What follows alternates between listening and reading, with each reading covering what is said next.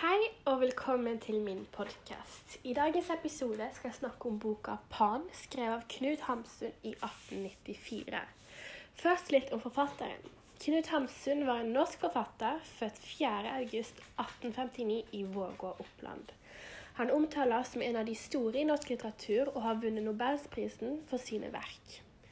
Han fikk sitt gjennombrudd med romanen 'Sult', som beskrives som et tidløst og modernistisk verk. Typisk for Hamsun sine verk er at de fortsatt er relevante nå over 100 år etterpå. I boka 'Pan' følger vi hovedkarakteren Thomas Glan. Han er løytnant som er lei av det moderne samfunnet, plikter og mennesker.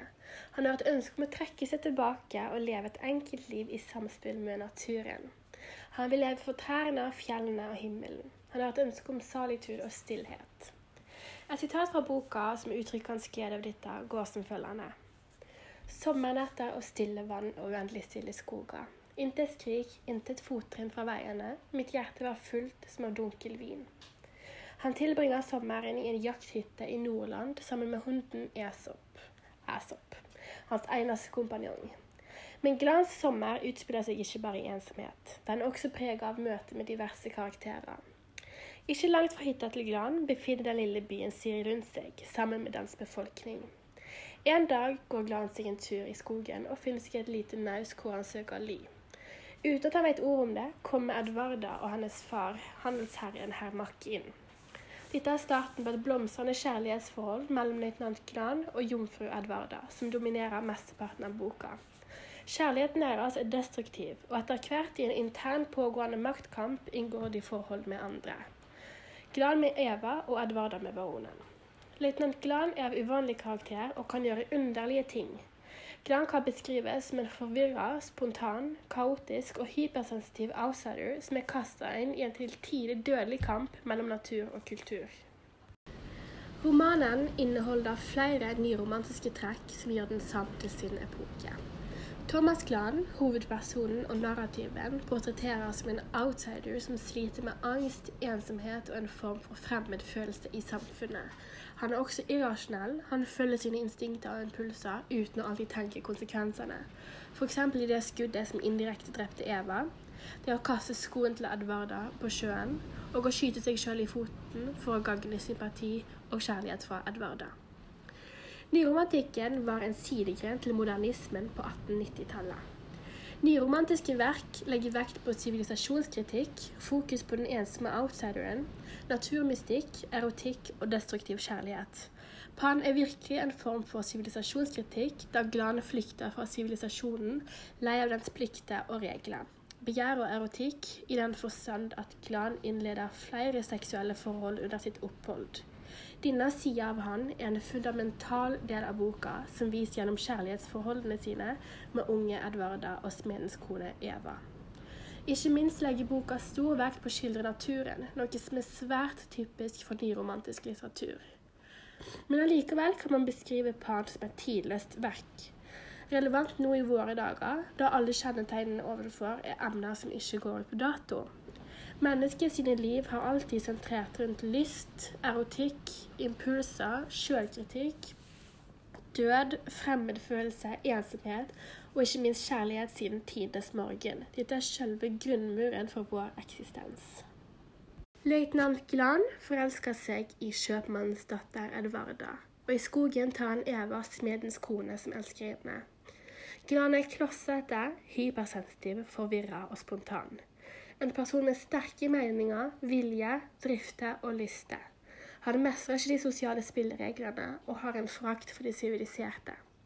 I møte med mennesket er det som om man tar med seg litt av skogen, det dyriske. Edvarda mener at han har et dyreblikk, altså han er helt vill. Hans forhold til naturen er dominerende og den største drivkrafta til hvorfor han flytter vekk fra sivilisasjonen og inn i jakthytta si. Edvarda er en bortskjemt rikmannsdatter. Hun kjeder seg lett og er vant til å få det hun vil ha. Både det materielle og de mennene hun vil ha. Menn av høytstående stillinger. Hun er impulsiv og barneaktiv, men sjarmerende. Både Glan og Edvarda er irrasjonelle. De følger sine lyster. Han lever i naturen, og hun lever i det siviliserte, moderne samfunn. De er direkte motsetninger som representerer vidt ulike ting. Edvarda er midtpunkten på festen, mens Glan står skeitete og utilpass i hjørnet. Glan sier som følgende om fenomenet lykke. En klar rute i et vindu, en solstråle i ruta, en utsikt en liten bekk og kanskje en blå rift på himmelen. Det behøver ikke være mere. Til tider kan sjøl usedvanlige opplevelser ikke formå å rykke ut en ut av en jevn og fattig stemning. Midt i en ballsal kan man sitte sikker, likegyldig og upåvirka, for det er ens eget indre som er sorgen eller gledens kilde. Dette sitatet syns jeg var spesielt fint. Glad forelsker seg i Edvardas mørke trekk og buede øyenbryn. Hun er godhjerta og liker å dele sine gode. Edvarda og Glan er et møte mellom natur og kultur. Forholdet mellom Glan og Edvarda er det store og kompliserte i boka. En evig runddans mellom to stolte mennesker. En psykologisk kamp. Glan har ingen interesse av å innlede et seksuelt forhold med Edvarda. Forholdet de imellom er preget av ambivalens, sjalusi og rasteri. Edvarda har tre mulige ektefeller. Glan, doktoren og engelskmannen. Glan skyter seg i foten fordi doktoren er halvt, og spytter engelskmannen midt i ansiktet. Edvarda og Glan glir fra hverandre pga. disse store og tunge følelsene i omløp. Forholdet som Glan og Eva innleder, kan beskrives som en ringvirkning av det som gikk skeis mellom Glan og Edvarda. Eva er smedens kone, Glans elskerinne og også Max' elskerinne. Hun blir drept i en båt, knust under en steinblokk pga. sin utroskap. I boka blir naturen portrettert som et sted der Glan søker tilflukt, ro og lykke. Han mestrer ikke det sosiale, og ofte ender møtene hans med det urbane, siviliserte og sosiale i utbrudd. Allikevel er Pan en stadig utveksling mellom natur og kultur. Glan søker interaksjon, og boken skifter mellom hans syn og beskrivelse av naturen og hans møte med andre, spesielt kvinner. Vi opplever bokens handling gjennom øynene til Thomas Glan, hovedpersonen. Pan blir fortalt i jeg-person. På denne måten får vi både et innblikk i tankene til Glan, men også detaljerte personlige beskrivelser av tanker, interaksjoner og miljø. Vi blir ekstra godt kjent med jeg-personen og opplever handlingen gjennom hans øyne. Navnet på boka Pan stammer fra guden Pan i gresk mytologi. Han ble assosiert med skogen og begjæret. Pan tilbringer tiden sin med å lure i skogen, spillende på en panfløyte. Han har et fryktelig temperament og raseri, og kan slå mennesker og dyr i panisk skrekk.